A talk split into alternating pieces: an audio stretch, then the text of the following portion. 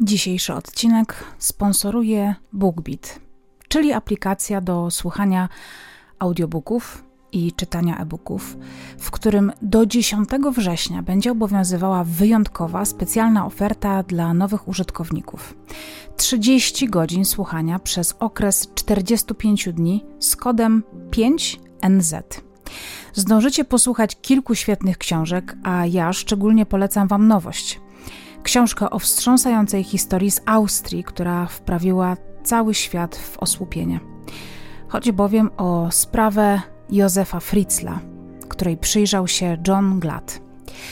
Józef Fritzl był 73-letnim emerytowanym inżynierem z Austrii i wydawało się, że prowadzi normalne życie ze swoją żoną Rosemarie, mimo że jedna z ich córek, Elizabeth, wiele lat wcześniej uciekła z domu, by dołączyć do religijnej sekty.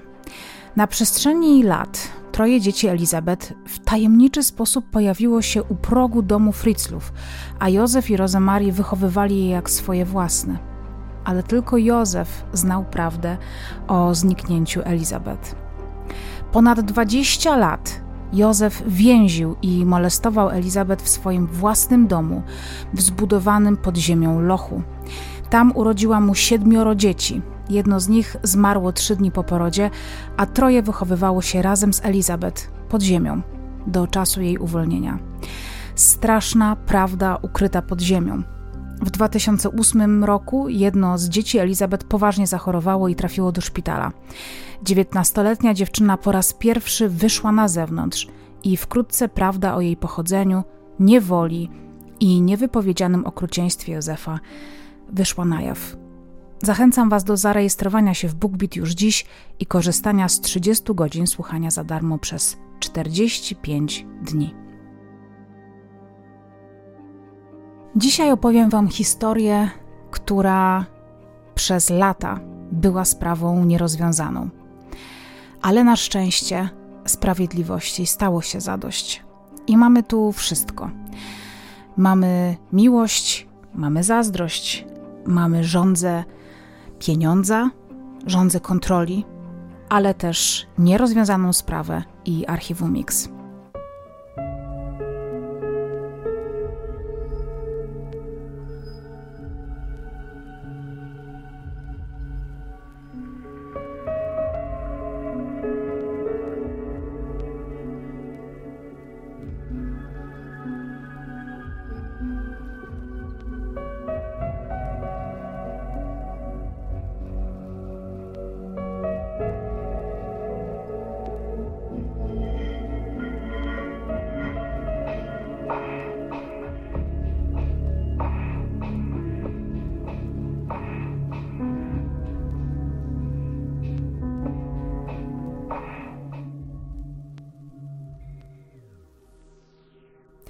Przenosimy się do Małopolski, bo tam Renata i Tomasz w latach 90. poznają się. Renata jest pielęgniarką, Tomasz z kolei jest elektrykiem i zakłada swój biznes związany z urządzeniami elektrycznymi. Dokładnie nie wiem na czym polega, czy zajmuje się tylko ich sprzedażą, czy również instalacjami, ale jest to początek lat 90. Wtedy bardzo wiele osób zakładało własne firmy, korzystając z tego, że uwolnił się właśnie rynek. I bardzo często było tak, że to mężczyźni zakładali firmy, kobiety natomiast albo były w domu, albo pracowały na etacie. I tak właściwie Renata i Tomasz e, spełniają ten model. Poznają się w miejscu pracy Renaty. W jakich okolicznościach nie wiadomo. E, bardzo możliwe, że po prostu Tomasz jest na jakiejś wizycie u lekarza, tam poznaje e, pielęgniarkę, która być może się nim zajmuje, e, a być może, nie wiem, pobiera mu krew albo rejestruje go w rejestracji. Zakochują się i w 92 roku biorą ślub, zamieszkują razem w Krakowie. Ich życie jest bardzo spokojne. Kiedy na świat przychodzi ich pierwszy syn, Renata rezygnuje z pracy w szpitalu, zajmuje się dzieckiem i domem. Cała odpowiedzialność za rodzinę spada wówczas na Tomasza, taka oczywiście finansowa. Początkowo y, Tomasz nie widzi w tym nic złego, no, cieszy się ze szczęścia swojej rodziny, ale po kilku latach, po czasie, zaczyna się czuć nieco obciążony tą odpowiedzialnością. Tym bardziej, że po pierwsze, na świat przychodzi ich kolejne dziecko, rodzi się drugi syn. Natomiast e, rośnie też konkurencja, więc już ten biznes, który na początku lat 90. prosperuje świetnie, e, no, prowadzenie go już przynosi dużo więcej problemów albo zajmuje dużo więcej zachodu, trzeba się dużo bardziej zaangażować. To nie jest już takie mm, proste. Wtedy właśnie Tomasz zaczyna czuć przytłoczenie. Wtedy też e, w wyniku prawdopodobnie stresu, takiego skupienia się na pracy, strachu o swoją przyszłość, relacje Tomasza i Renaty ulegają pogorszeniu, a właściwie to stają się oschłe. I to głównie za sprawą Tomasza, który ze względu właśnie na te problemy związane z pracą mm, sięga po rozwiązanie, które według niego ma przynieść mu ulgę, i jest to niestety alkohol. Kiedy po niego sięga, bywa, że staje się agresywny wobec Renaty. Nie wiem, czy dochodzi do przemocy fizycznej, na pewno dochodzi do różnego rodzaju awantur. On staje się bardzo e, agresywny, jeżeli chodzi właśnie o zachowanie, e, o słowa, o zdania, jakie wypowiada do swojej żony. E, a ta częstotliwość spożywania alkoholu zaczyna wzrastać, jest coraz częstsza. Renata wtedy odsuwa się od swojego męża, ale nie ma zamiaru od niego odchodzić no, z wielu względów. Po pierwsze, myśli o swoich dzieciach, nie chce im fundować dzieciństwa w rozbitej rodzinie. Z drugiej strony, pierwsze co przychodzi mi do głowy, to czy lepiej fundować dzieciom życie w rozbitej rodzinie, powiedzmy, czy życie y, z tatą alkoholikiem, który jeszcze bywa agresywny. No ale też ze względu na swoją wygodę, bo odkąd pojawiły się dzieci, Renata nie musi chodzić do pracy, a praca nie była jakąś tam jej wielką pasją, pielęgniarstwo. Więc nie musi też martwić się o finanse, wszystko zapewnia jej mąż. Gdyby odeszła, pewnie musiałaby liczyć na jakieś alimenty. Te wcale nie musiały być wysokie, więc tutaj by dużo straciła, a pensja pielęgniarek do dzisiaj jest e, bardzo, bardzo niska, więc myślę, że to były takie główne mm, argumenty za tym, żeby pozostać w tym domu. Nie musi się przy Tomaszu martwić o finanse, wszystko Tomasz jej zapewnia, oprócz no oczywiście poczucia bezpieczeństwa. Tomasz po kilku latach e, pije już na tyle dużo, że zaczyna e, robić głupoty i to bardzo nieodpowiedzialne. I tutaj łatwo się domyślić, że chodzi m.in. o jazdę pod wpływem alkoholu. E, Tomaszowi zdarza się to nagminnie, jest kilka razy zatrzymywany przez policję. E, wtedy, w latach, mówimy tutaj o początku lat 2000, jazda po e, pijaku była wykroczeniem, nie była przestępstwem, mm, ale suma tych różnych wykroczeń doprowadziła do sytuacji, że w 2003 roku po raz już któryś Tomasz zostaje zatrzymany e, za jazdę pod wpływem alkoholu i wówczas e, zostaje mu, wy, zostają mu postawione zarzuty i sąd wymierza Tomaszowi karę pozbawienia wolności na okres kilku miesięcy. Tomasz trafia do więzienia i tam w zakładzie karnym poznaje kolegę, Mariusza, z którym zaczyna się przyjaźnić. Mariusz skazany jest za rozboje, czyli jeden z najcięższych e, rodzajów przestępstw, tak zwana dziesiona. Rozbój ma po zabójstwie i gwałcie chyba jedną z najwyższych kar, tak mi się wydaje. Po wyjściu z więzienia obaj mężczyźni zaczynają się spotykać towarzysko.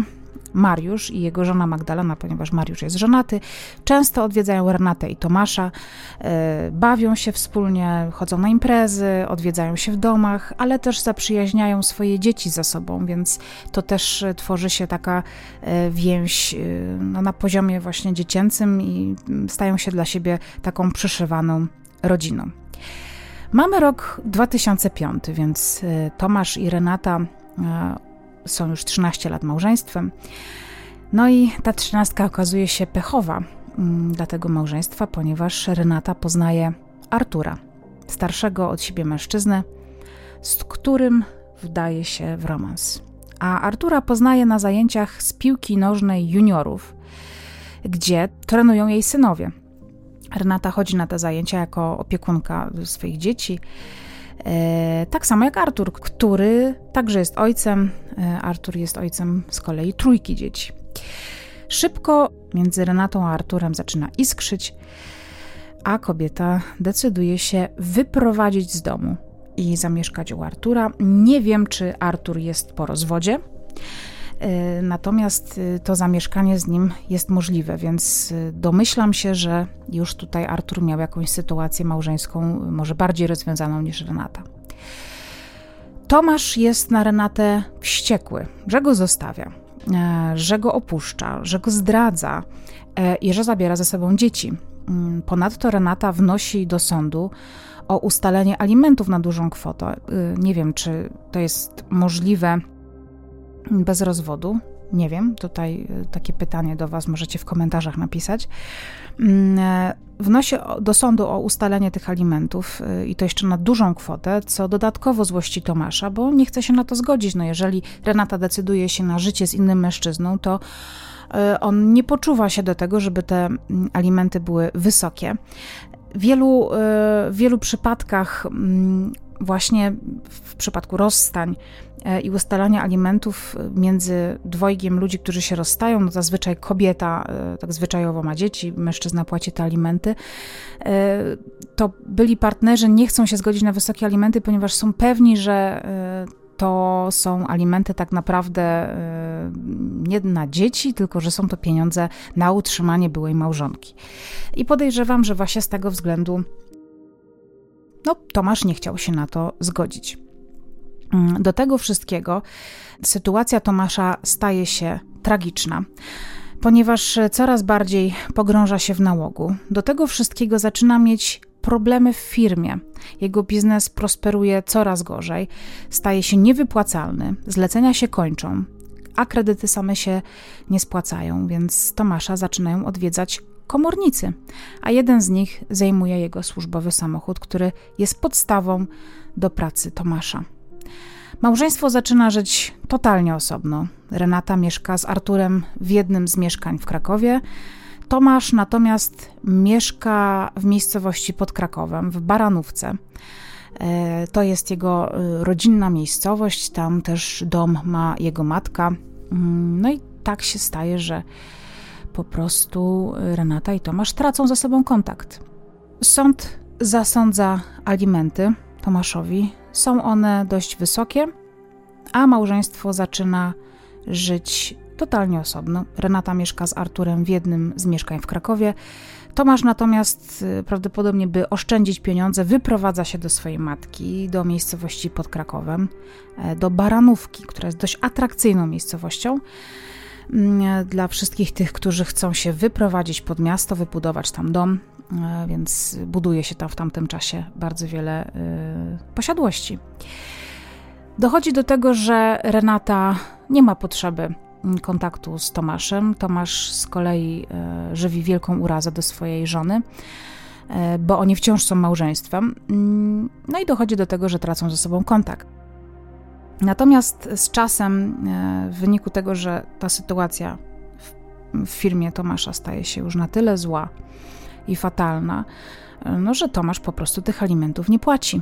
Mm, Renata nie odpuszcza, zgłasza to na policję i wobec Tomasza zaczyna toczyć się postępowanie w tej sprawie. 25 listopada 2006 roku, nad ranem, spacerująca kobieta Irena C pracownica polskich kolei państwowych w okolicach fortu Batowice, idąc do pracy, zauważa leżącego mężczyznę w zaroślach. No i z racji tego, że jest prawie grudzień, e, pogoda jest fatalna, jest bardzo zimno. E, no i Renace się niepokoi, więc wzywa policję, e, wzywa pogotowie. Nie wiem, czy sprawdza, e, co się dzieje z tym mężczyzną ale z racji tego, że dzwoni na policję, domyślam się, że e, kobieta orientuje się, że e, ten mężczyzna nie żyje. Przyjeżdża medyk sądowy, który stwierdza zgon z przyczyn naturalnych, ale jednak e, z racji tego, że te zwłoki leżą w dziwnym miejscu, musi zostać wykonana sekcja zwłok i w trakcie mm, wykonywania, znaczy po wykonaniu tej sekcji zwłok, eksperci odkrywają, że mężczyzna ma we krwi aż 4 promile alkoholu. No więc wówczas sytuacja staje się jeszcze bardziej jasna. No, mężczyzna prawdopodobnie się bardzo mocno upił, wracał, nie wiem, do domu czy szedł gdzieś do sklepu, zasnął, a ze względu na mróz zmarł z wychłodzenia. 4 grudnia 2006 roku, więc e, kilkanaście dni później, Renata zaczyna martwić się o swojego męża, ponieważ nie ma z nim kontaktu. On z kolei nie dzwoni do swoich dzieci, co jest do niego rzekomo niepodobne. Ponadto, jadąc sprawdzić e, miejsce, w którym mieszka Tomasz, e, Renata dowiaduje się, że nikt Tomka nie widział od kilku dobrych dni. A co dziwne, w jego mieszkaniu cały czas pali się światło, i to w dzień i w nocy. Do tego y, w tym mieszkaniu cały czas włączone jest radio. Dlatego to daje Renacie powód y, no, ku temu, żeby pojechać na policję i zgłosić to y, policjantom. No, mm, funkcjonariusze oczywiście przyjmują to zgłoszenie. Razem z Renatą jadą do domu Tomasza, bo podejrzenie jest takie, że po prostu coś się stało w domu, skoro światło się tam pali. E, może mężczyzna zasłabł, może po prostu zmarł w tym mieszkaniu, może się zapił. Jednak e, kiedy wchodzą do tego mieszkania, nie zastają nikogo, więc e, policja w bazie danych sprawdza, czy nikogo na przykład nie odnaleziono jako zwłoki NN, albo na przykład czy ktoś nie padł ofiarą jakiegoś wypadku i nie przebywa wówczas w szpitalu. No i okazuje się, że 26 listopada odnaleziono ciało niezidentyfikowanego mężczyzny. No i policjanci mówią Renacie, że należy pojechać do zakładu medycyny sądowej, zobaczyć ciało e, i, i rozpoznać lub nie rozpoznać zwłoki swojego męża. Renata jedzie do tego zakładu medycyny sądowej, zostają jej te zwłoki okazane i Renata e, potwierdza tożsamość y, tego mężczyzny, stwierdza, że to jej mąż Tomasz. W tym y, zakładzie medycyny sądowej podczas okazania Renata rozpacza. Wspomina jednak, że mąż miał problem z alkoholem, że był agresywny, że to był powód ich separacji. E, wspomina e, wówczas ekspertom, że domyślała się, że tak to się po prostu skończy, że Tomasz się zapije. Ale taka jest prawda, że sąsiedzi i znajomi, czy tacy ludzie, którzy mieli z Tomaszem styczność, faktycznie e, podejrzewali, że mężczyzna doprowadzi się do e, właśnie pewnego dnia po prostu ktoś znajdzie go albo z rozbitą głową, bo mężczyzna upadnie. Jego alkoholizm już tak wymykał się spod kontroli, że e, rozpijał się Tomasz do takich granic już naprawdę bardzo niebezpiecznych i zagrażających jego życiu. Założenia medyków, szczególnie jeszcze po tym rozpoznaniu mm, przez Renatę, mm, są takie, że mężczyzna po prostu no, zginął śmiercią naturalną, zmarł śmiercią naturalną w wyniku, no właśnie, e, może nie przedawkowania alkoholu, ale tego, że po prostu w, wyniku nieszczęśliwego e, wypadku, wracając pod wpływem tego alkoholu, upadł, nie był w stanie się podnieść, zasnął, wychłodził się i, i zmarł w wyniku tego. E, no do tego relacja Renaty oczywiście potwierdza te założenia. Rodzina Tomasza nie jest zdziwiona przyczyną jego zgonu. Kiedy policja zawiadamia już tam resztę rodziny, no wszyscy twierdzą, że no tak, Tomasz po prostu tyle pił, że, że podejrzewali, że tak to się może skończyć. E, no i w marcu 2007 roku, po czterech miesiącach od śmierci Tomasza, umorzono śledztwo w sprawie jego śmierci. Co się dzieje dalej? Renata stara się ułożyć życie na nowo. Artur w dalszym ciągu towarzyszy jej e, codzienności. Kobieta wraz z dziećmi po śmierci Tomasza odziedzicza dom w Baranówce, ponieważ też e, e, w międzyczasie po tym rozstaniu umiera matka Tomasza, więc ten dom staje się własnością Tomasza, więc po śmierci Tomasza ten dom dziedziczy Renata wraz z synami.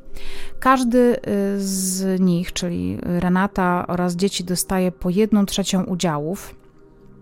Mm, tak przeczytałam w źródłach, chociaż kiedy ja dziedziczyłam w wyniku śmierci mojego ojca dom, to y, było trochę inaczej, że połowę dziedziczyła moja matka, a my z siostrą dziedziczyłyśmy połowę na pół, czyli po jednej czwartej. ale w źródłach przeczytałam, że dziedziczyli po jednej trzeciej udziałów. Renata postanawia spieniężyć dom, ponieważ jest, e, no tak jak powiedziałam, w bardzo prestiżowej i atrakcyjnej okolicy. E, I w tamtym czasie, mówimy o roku 2007-2008, może za niego dostać od 600 tysięcy do miliona złotych. No, gigantyczne pieniądze. Oprócz tego, że to jest działka z domem, to jeszcze jest tam dość e, spory kawałek ziemi, więc to faktycznie jest dość atrakcyjne. Nawet jeżeli ktoś by to kupił jako deweloper, mm, no to, no to można tam na przykład pobudować kilka e, domków, sprzedać no, z niewyobrażalnie większą przebitką. Renata sprzedaje ten dom, sprzedaje ziemię, i z tymi pieniędzmi przenosi się z Małopolski do Sandomierza. Oczywiście wraz z synami i Arturem postanawiają rozpocząć nowe życie. Mają na to środki, mogą kupić w Sandomierzu wiem, mieszkanie czy dom i zacząć wszystko od nowa. Mija kilka lat, a w życiu Renaty zachodzą duże zmiany, ponieważ yy, przychodzi na świat kolejne dziecko. Tym razem dziecko Artura i Renaty. Natomiast sielankę zaburza zła wiadomość, ponieważ Renata otrzymuje wiadomość, że jej znajomy, przyjaciel y, męża, czyli Mariusz, ten, y, z którym poznał się w więzieniu, popełnia samobójstwo i wiadomość ta szokuje znajomych. Na przełomie lat 2010-2011 sprawa śmierci Tomasza e, trafia na biurko a potem w ręce śledczych z archiwum Mix. No i to nas pewnie może dziwić. No, dlaczego, skoro śledztwo zostało umorzone, śmierć jest z przyczyn naturalnych? No, ponieważ śledczy z archiwum Mix, tego krakowskiego, analizują co jakiś czas akta spraw, które dotyczą zaginięć, e, śledztw też umorzonych, ale też zgonów z pozoru naturalnych, tak po prostu. Mm, chcą wyjaśnić, czy to na pewno była tylko przypadkowa, czy naturalna śmierć. I sprawa Tomasza y, z pozoru wydaje się śledczym faktycznie sprawą, no, zgonu naturalnego w wyniku y, no, takiego nieszczęśliwego wypadku y, osoby, która nadużywa alkoholu. Natomiast dlaczego powiedziałam z pozoru? Ponieważ w aktach tej sprawy pojawiają się zeznania pewnej kobiety, pani Anety, która jak się okazuje w 2006 roku zeznała, że jest przekonana, że Tomasz został zamordowany.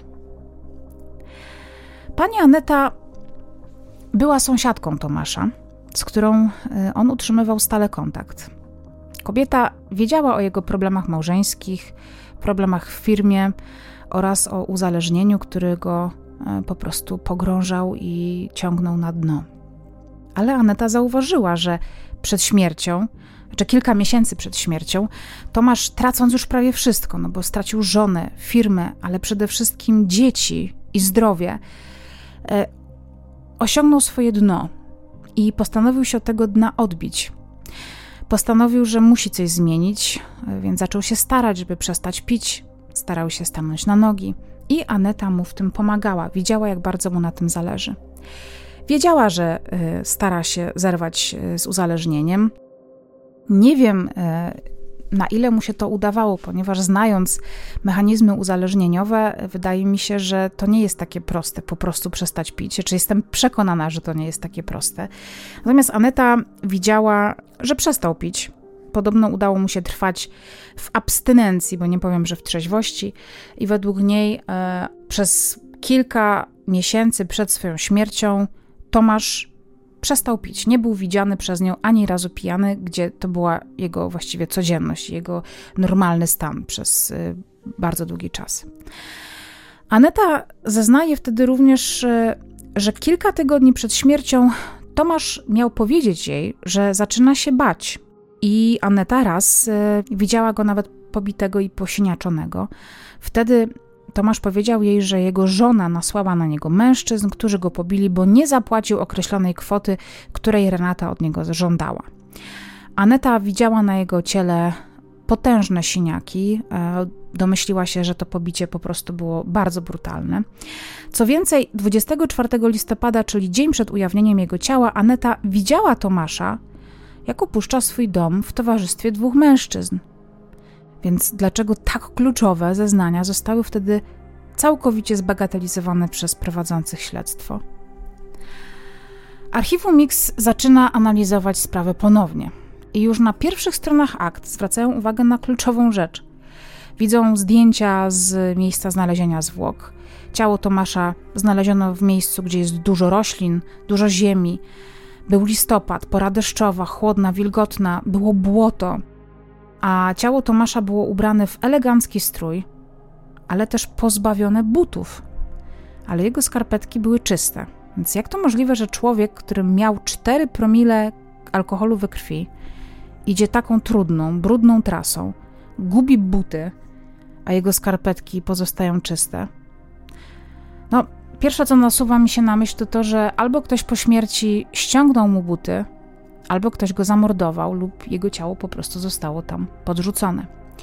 Zaznaczam też, że y, o tym, że buty były ściągnięte, przeczytałam w tekście Dawida Serafina, który współpracuje z, ze śledczymi y, z krakowskiego archiwum Mix, więc wierzę, że to on ma najbardziej y, prawdziwe informacje. Natomiast w wielu różnych innych źródłach przeczytałam, że y, Tomasz miał na y, stopach buty, ale to te buty były czyste, więc y, tak czy inaczej, jeżeli był w butach, czy był bez butów, to stopy miał absolutnie czyste. Śledczy więc wznawiają śledztwo i pierwsze do czego doprowadzają, to ponowne przebadanie tkanek, które zachowały się w zakładzie medycyny sądowej. Na szczęście tych dowodów nie zniszczono. Przebadano tkanki oraz włosy Mm, no tak po prostu badania toksykologiczne, poza tymi, które e, świadczyły o tym, że no mężczyzna był pod dużym wpływem alkoholu. To było takie podstawowe badanie mm, jeszcze podczas sekcji zwłok. Natomiast tutaj śledczy zlecili te badania e, toksykologiczne i dzięki tym badaniom udało się ustalić, że w ciele Tomasza ujawniono trzy różne substancje psychotropowe. I to w stężeniu bardzo wysokim. E, więc dla śledczych stało się jasne, że ta śmierć nie była przypadkowa, że to nie był tylko alkohol. Pierwsze, co też śledczy muszą sprawdzić, to to, czy na przykład Tomasz mógł sam podać sobie dość duże dawki leków, żeby, nie wiem, no, popełnić samobójstwo. Jednak dlaczego um, zmarł w krzakach, z dala od swojego domu i to jeszcze w czystych butach? No, szybko jednak śledczy odrzucają tę hipotezę. Wszystko powoli zaczyna układać się w całość i to spójną całość. Ponownie dochodzi do przesłuchania świadków, i tutaj znowu okazuje się, że jedna z osób jest w posiadaniu dodatkowych informacji, to takich, które szokują, co dokładnie stało się z Tomaszem. Zostaje przesłuchana Magdalena B., czyli żona Mariusza B., przyjaciela Tomasza, który popełnia samobójstwo. Domyślam się, że do Magdaleny docierają śledczy właśnie na tej zasadzie, że sprawdzają osoby, które były w kontakcie mm, z Tomaszem w ostatnich dniach jego życia, docierają do Mariusza B, próbują go przesłuchać. Nagle się okazuje, że on był w więzieniu, że został e, skazany tam za kolejne przestępstwa. Okazuje się, że siedział wcześniej w więzieniu z Tomaszem, no ale że nie można go przesłuchać, bo popełnia samobójstwo. Magdalena Mm, po śmierci swojego męża e, stwierdza, że nie ma już nic do stracenia, że nie jest w stanie utrzymać dłużej e, tego wszystkiego, co się stało w tajemnicy, że odczuwa zbyt dużą presję i mówi śledczym z archiwum Mix prawdę, co stało się z Tomaszem i potwierdza teorię śledczych, że został po prostu zamordowany. Magdalena zeznaje, że w weekend 24, 5 i 6 listopada pojechała do koleżanki. Mariusz został w ich mieszkaniu, jednak 25 listopada po prostu zadzwoniła do niego, tak żeby porozmawiać. On odebrał.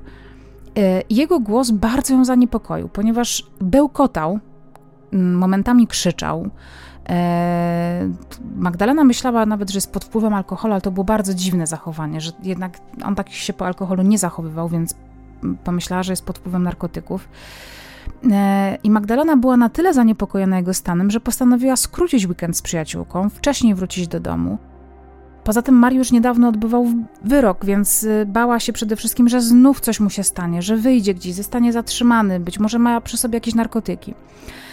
I kiedy wraca do mieszkania, mm, widzi wówczas swojego partnera, ale nie jest on sam, bo jest jeszcze Renata.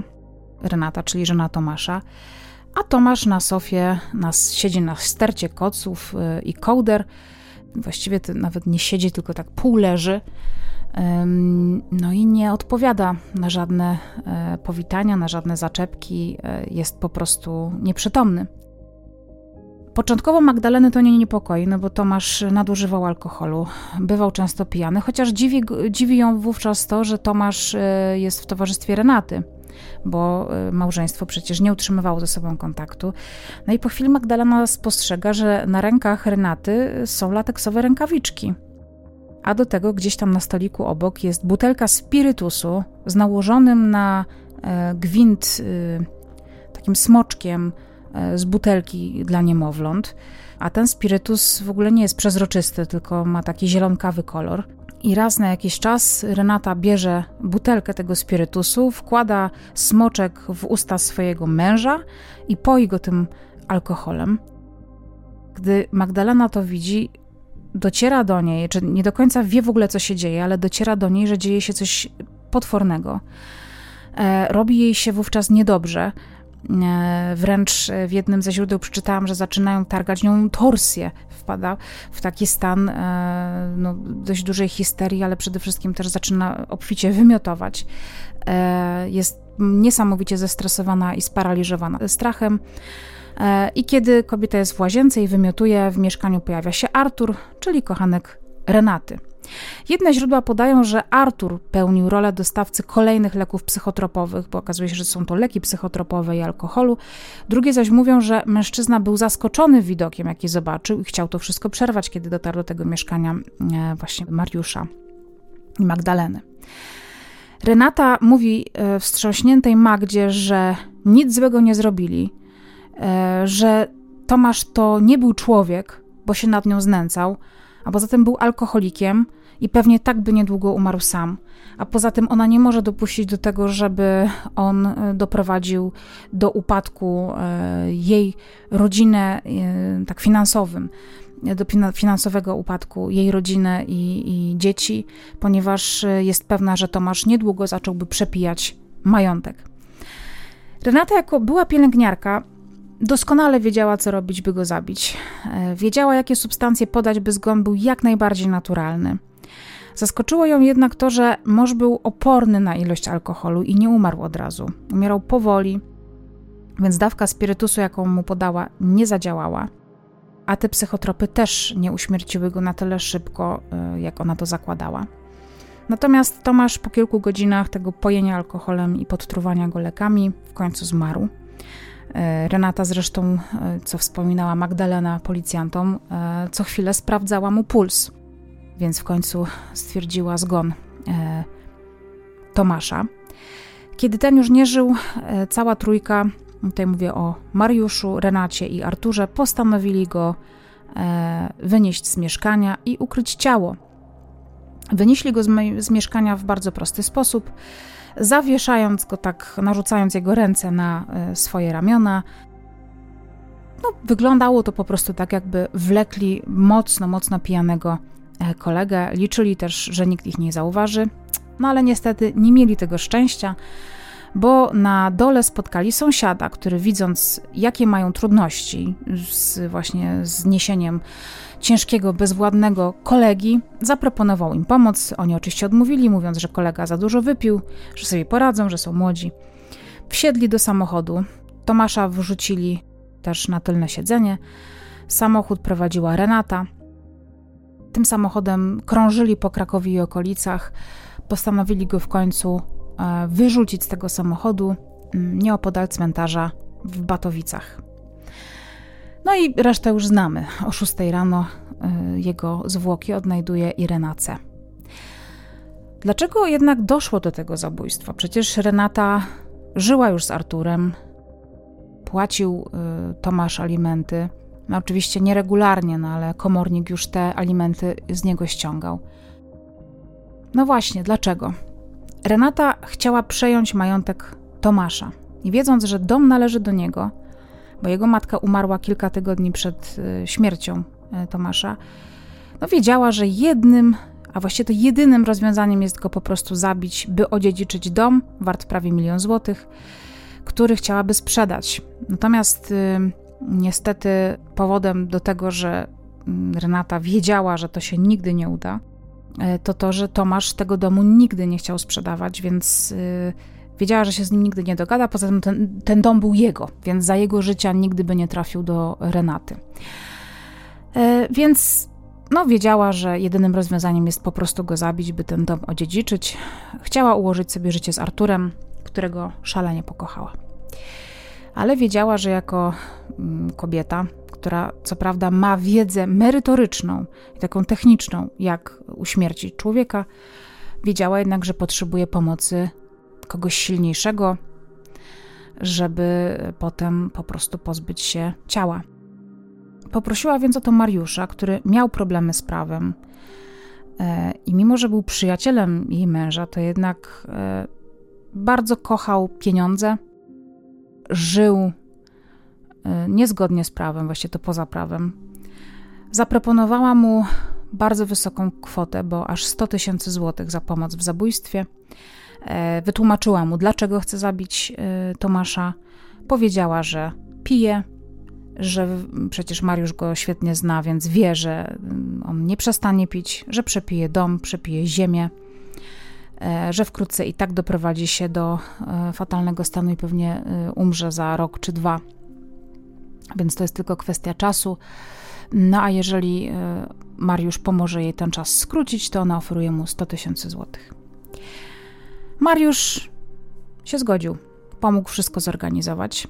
E, kiedy zabili Tomasza, mm, a do zabójstwa dochodzi dlatego, że Mariusz po prostu przychodzi do niego do domu, e, wyciąga go na jakąś popijawę do siebie do mieszkania. Nie wiadomo, kim jest ten drugi mężczyzna, którego widzi e, Aneta, ta sąsiadka. Nie wiadomo, czy w ogóle był jakiś drugi mężczyzna. Tego się nigdy nie udało ustalić. Raczej nie był to Artur, no bo raczej um, Tomasz nie poszedłby pić z kochankiem swojej żony. Poza tym, według zeznań Magdaleny i innych, y, Artur dopiero wszedł do domu, kiedy to zabójstwo miało miejsce, kiedy trwało. No więc Mariusz wyciąga Tomasza do siebie, jadą do Krakowa, do tego mieszkania tam mm, już dochodzi do zbrodni. E, kiedy Renata i Mariusz zabijają Tomasza, Renata sprzedaje dom, który odziedziczyła, jednak miała problem z wywiązaniem się z obietnicy wobec Mariusza. E, sprzedaje ten dom, no i Mariusz zaczyna się interesować tymi pieniędzmi, które ma dostać od Renaty. Ona zaczyna kluczyć, że jeszcze nie dostała wszystkich pieniędzy. Mm, e, przestaje odbierać od niego telefony, więc Mariusz ją zaczyna nachodzić. Dlatego proponuję jej, że po prostu pójdzie z nią do notariusza, będzie jej towarzyszył, no i wtedy u tego notariusza się dowie, ile tak naprawdę um, ona wyciągnęła z tej sprzedaży domu. W wielu źródłach przeczytałam bardzo sprzeczne informacje. W jednym przeczytałam, że dom był wart 250 tysięcy, ona miała dać tylko 10. W innym przeczytałam, że miała dać 20 tysięcy, a dom kosztował 100. Natomiast, y, no tak jak mówię, w tych najbardziej wiarygodnych źródłach jest kwota ponad miliona złotych y, i kwota dla Mariusza, która miała wynosić 10%, czyli 100 tysięcy.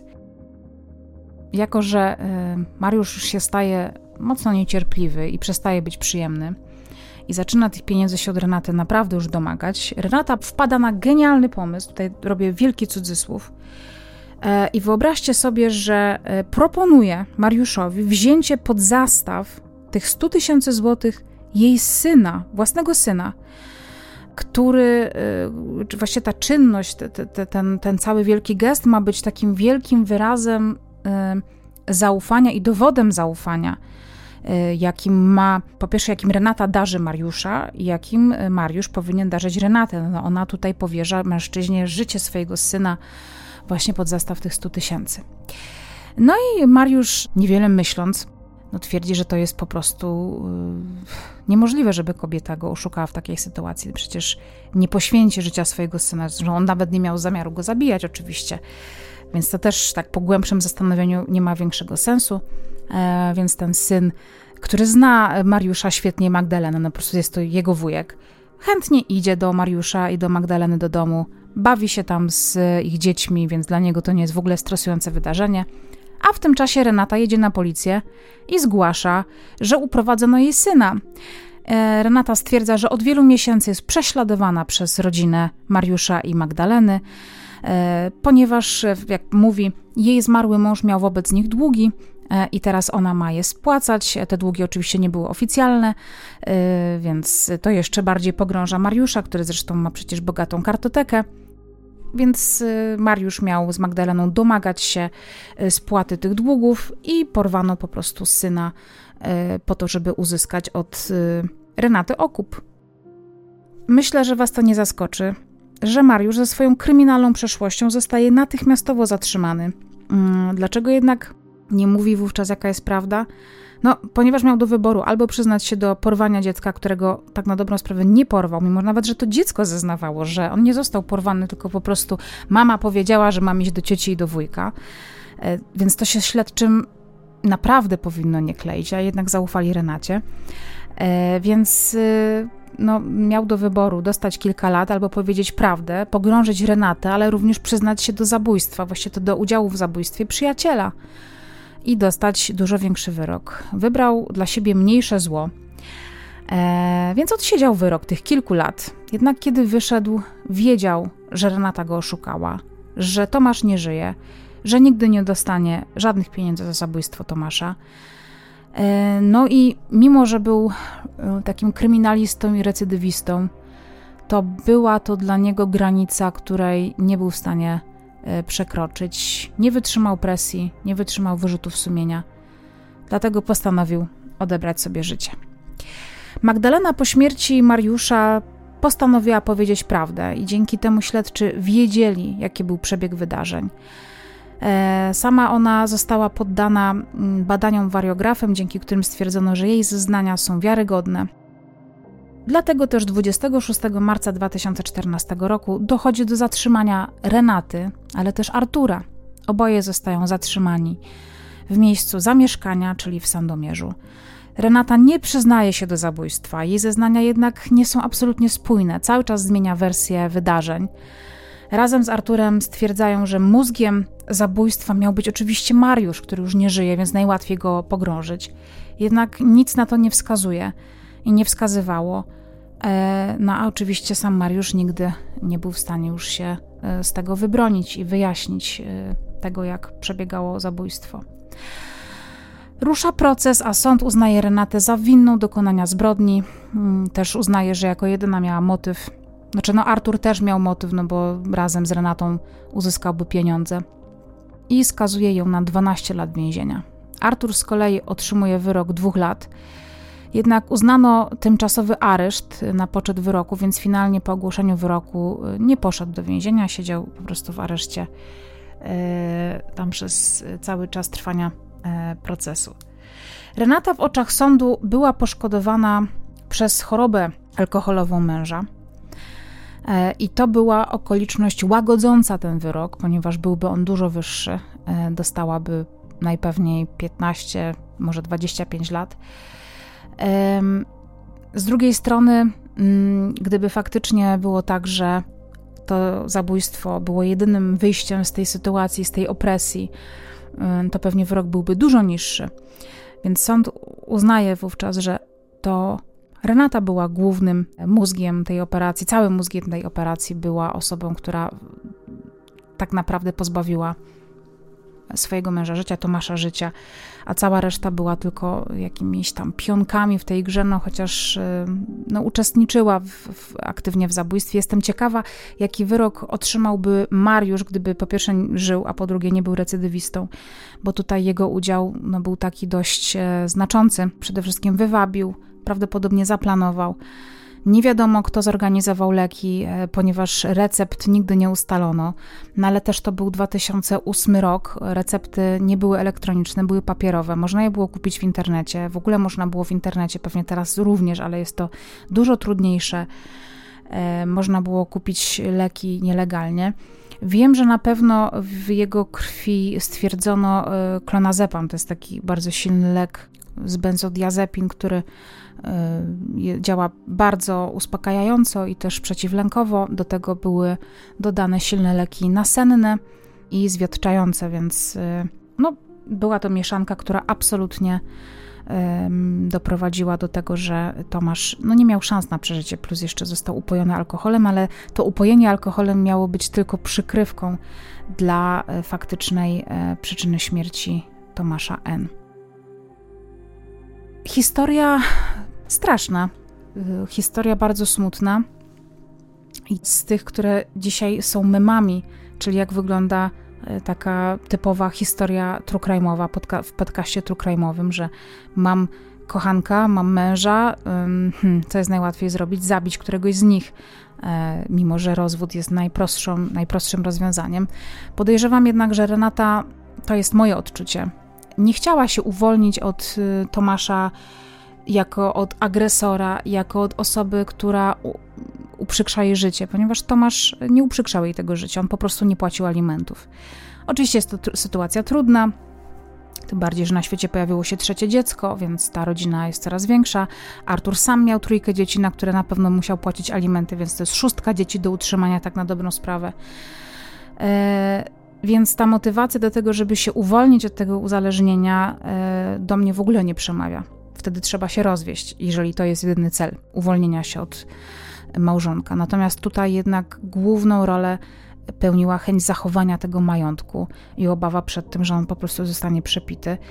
Być może myślała o przyszłości swoich dzieci, nie wiem, to jest jedyne, co do mnie może przemawiać, że ona po prostu się bała o to, że jej dzieci nie dostaną wystarczającego, nie wiem, zabezpieczenia na przyszłość po swoim ojcu. Ona nie pracowała przez wiele, wiele lat musiałaby na pewno wrócić do pracy, podszkalając się uprzednio. Poza tym miała małe dziecko, pielęgniarki zarabiają niewiele.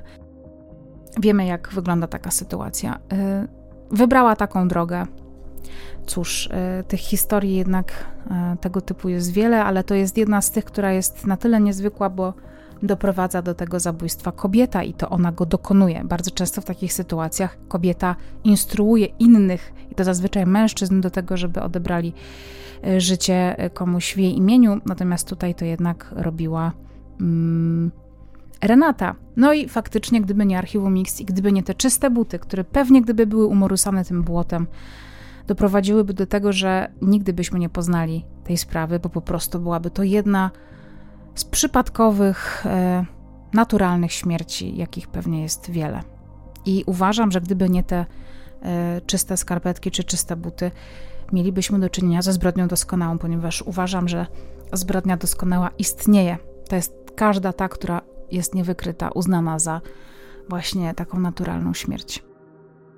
A na koniec jeżeli macie niedosyt historii kryminalnych w moim wykonaniu, zachęcam Was do e, pobrania aplikacji Słucham, gdzie znajdziecie e, serial, mój taki, taką serię e, pod tytułem Dźwięk Ciszy, gdzie opowiadam historię śmierci znanych muzyków, m.in. Kurta Cobaina, Michaela Jacksona, Sida Vicious'a, muzyków grupy Burzum i e, Mayhem, Seleny Quintanii oraz Johna Lennona.